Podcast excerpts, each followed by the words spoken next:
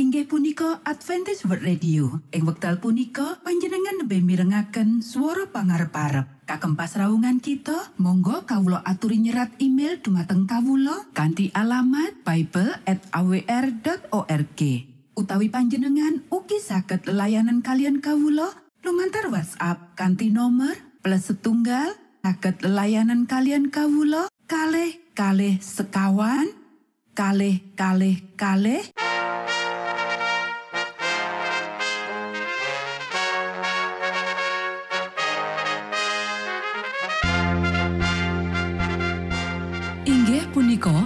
Adventist World Radio ingkang giaran kanti basa Jawi. Tentrem Rahayu kula aturaken kagem para mitra kinasih ing pundi papan lan panggonan. Sugeng pepanggian malih kalian Adventist World Radio. Kanti bingahing manah Kulo badi sesarengan kalian poro mitra kinasi. Lumantar saperangan adicara ingkang sampun rinonci. Mligi kagem panjenengan sami. Mugi giaran punika saged migunani tuwin dados berkah kagem kita sedoyo. Sugeng midhangetaken Gusti amberkahi.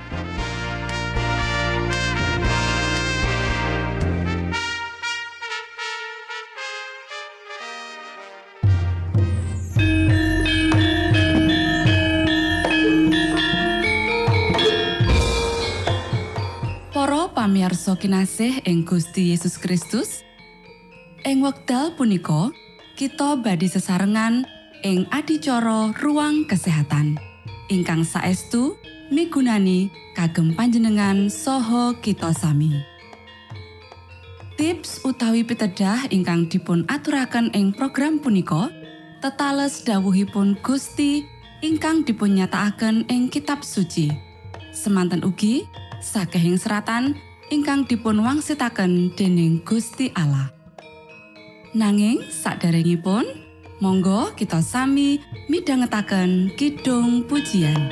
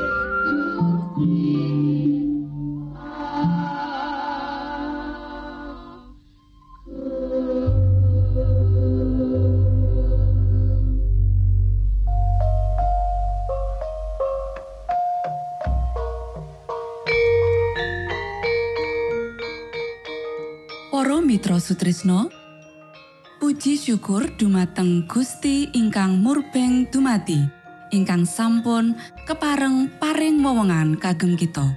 Satemah saged nglajengaken ruang kesehatan.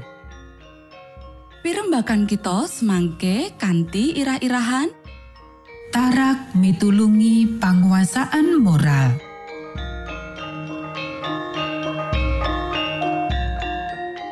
Nuwun dumateng para pamiarsa ingkang dahat kinurmatan, sugeng pepanggian malih kalian kula Isti Kurnaidi ing adicara ruang kesehatan. Ing dinten punika kanthi irah-irahan tarak mitulungi panguasaan moral. Para sederek ingkang kinasih, mutu pangananmu iku ora nyehatake lan prasaja sing nyiptakake jinis getih sing paling becik. Getih reget mesti bakal ngringkehake kuasa intelek lan moral lan bangkitake sarta nguatake nepsumu sing ora kakendaleni iku.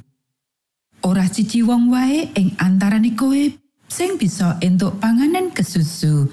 Amarga ajine padha karo kesehatan badanmu, kemakmuran jiwamu, lan jiwa anak-anakmu.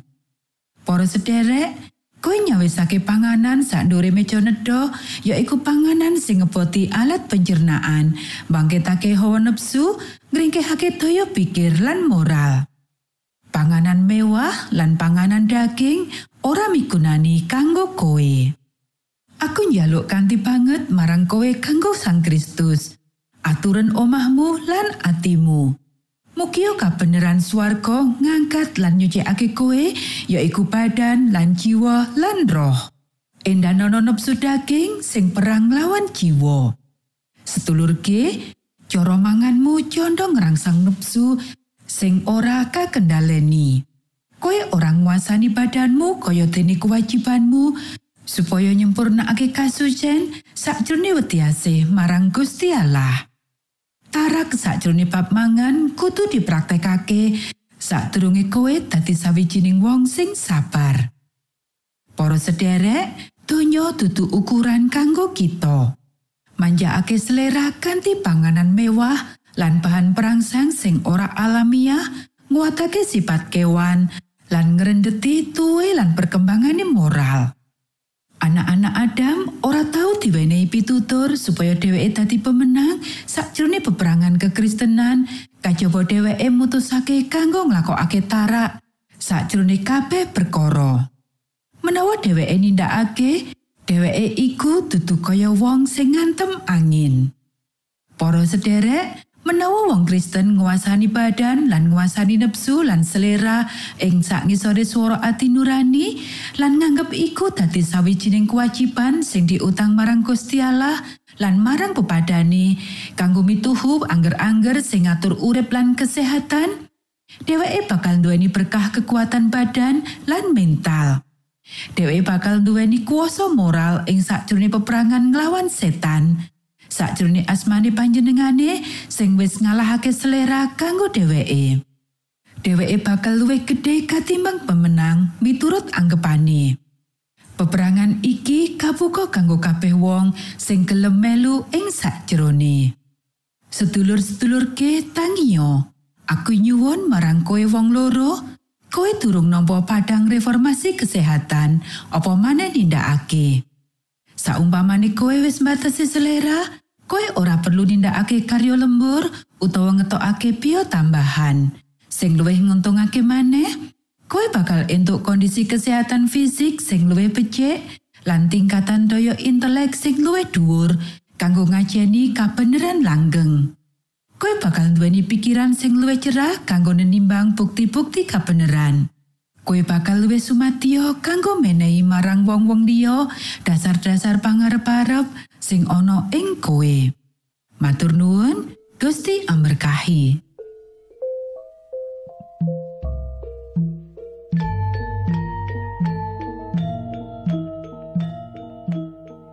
Cekap semanten pimbakan ruang kesehatan ing episode dinten punika.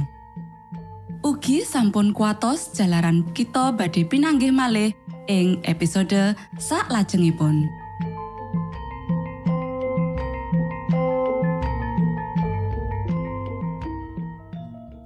Punika adicara ruang kesehatan.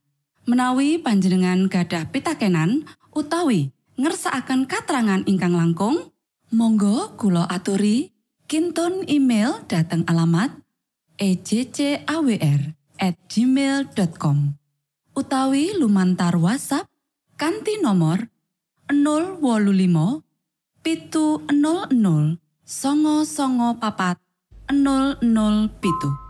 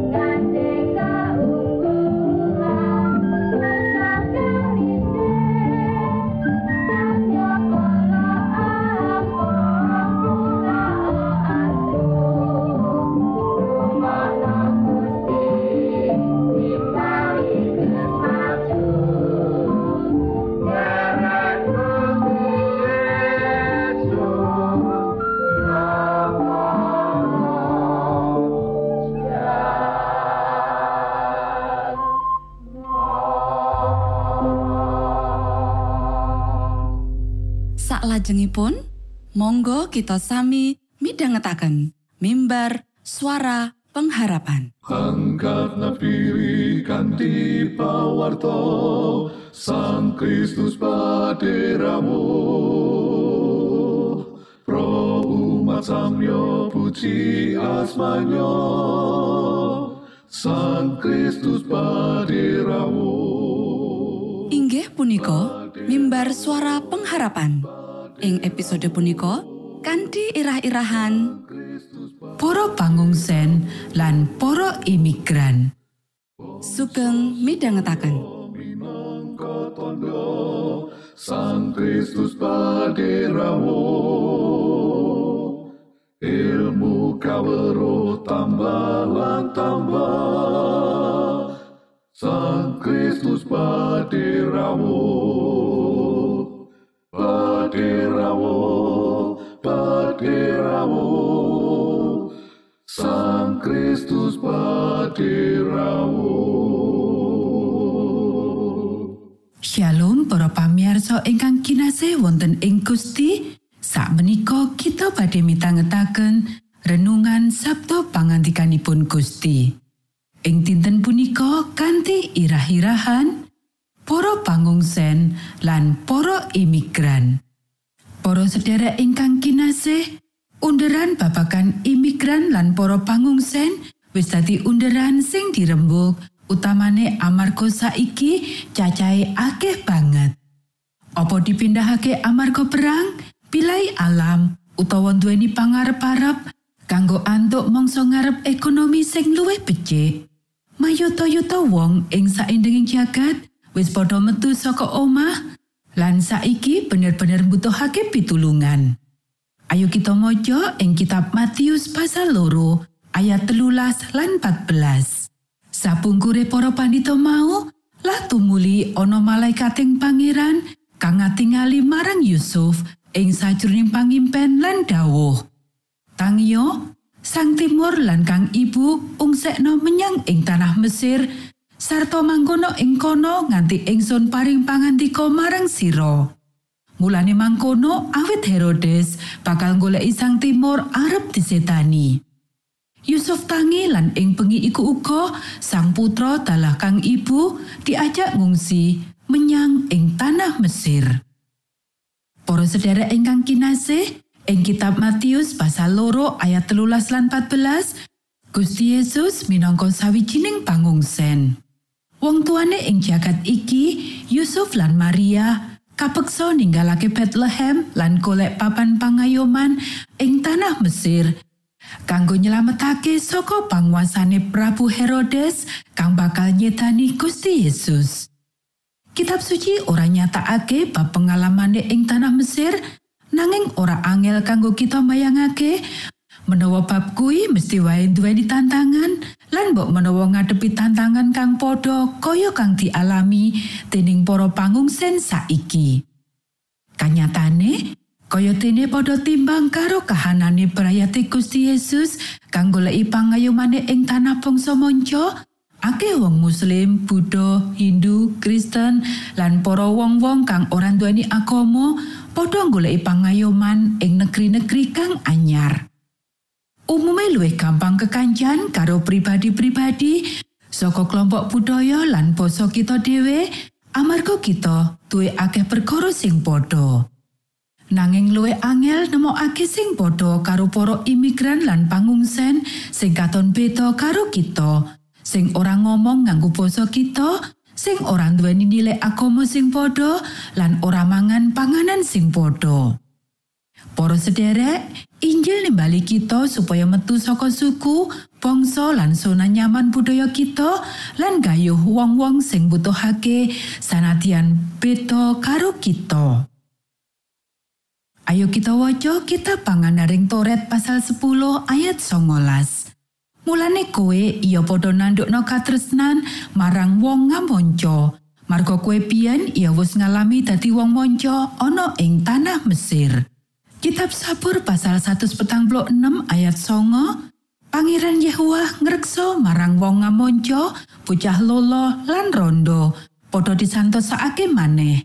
Nanging dalane wong duraka dienggokake. Kitab Rom pasal rolas ayat telulas. Podo mitulungono ing kekuranganing para suci sarta podo merlokno aweh pamondokan. Kaimanan pasal telulikur ayat rolikur. Samangsa sira padha ngenteni pametune bumi nira, aja sira entekake nganti tekan ing pinggire palemahan nira. Lan kekarene panenan nira aja sira asaki. Iku katinggalo kanggo wong miskin lan wong neneka. Engson iki Yehuwah Allah hiro. Para sederek, piye amriye kita ngladeni para imigran lan para pangungsen? Ing saperangan negara bab kaya ngene iki angel awit karana dianggep secara politik ora apik kanggo sesrawungan utawa mbiyantoni wong kaya iku. Nanging kita kudu nglakoni apa kang bisa kita lakokake nalika kita bisa. Kanggo ngladeni wong-wong iki sing sak mestine wis nglewati mangsa kang angel lan butuhake pitulungan kita. Kita kudu mbiyantu miwiti karo ndedonga lan terus golek ana katrangan bab masalah imigran utawa pangungsen. Akeh papan kang duweni organisasi kang ngurusi babagan iki. Sampeyan bisa miwiti makarya karo sawijining organisasi iki utawa mbok menawa ing Departemen Sekolah Sabat ing pasamuan lokal lan bisa miwiti siji pelayanan kanggo para imigran lan para pangungsen iki. Monggo kita sami ndedonga. Duh Rama kawula ingkang wonten ing swarga, asma patuko mugi kasucikaken. Kraton patuko mugi rawuh, karsa patuko mugi kalampahan wonten ing bumi kados dene wonten ing swarga. Kawula mugi kaparingan rejeki kawula sak cekapipun ing dinten punika. Saha patuko mugi ngapunten kalepatan kawula kados dene kawula inggih ngapunteni tetiang ingkang kalepatan dhateng kawula. Punapa dene kawula mugi sampun ngantos katantukaken dhateng ing panggoda nanging mugi sami patuko uwalaken saking piawon. Awit dene patuko ingkang kagungan kraton saha wisesa tuen kamulyan salami laminipun. Amin.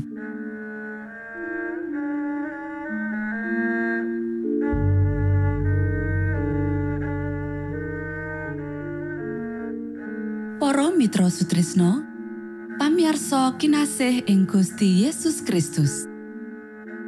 Sampun paripurno pasamuan kita ing dinten punika.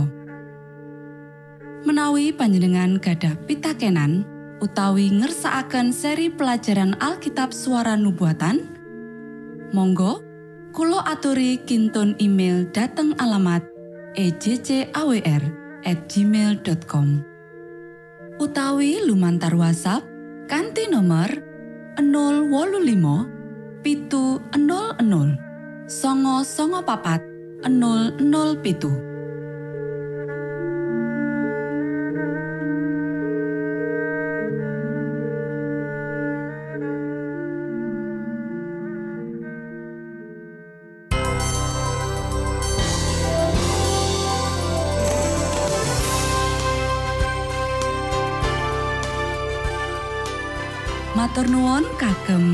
kagem wektalipun kita badhe pinanggih malih ing gelombang ugi wekdal ingkang sami. Saking studio kula ngaturaken tentrem rahayu. Gusti amberkahi kita sedaya. Maranata.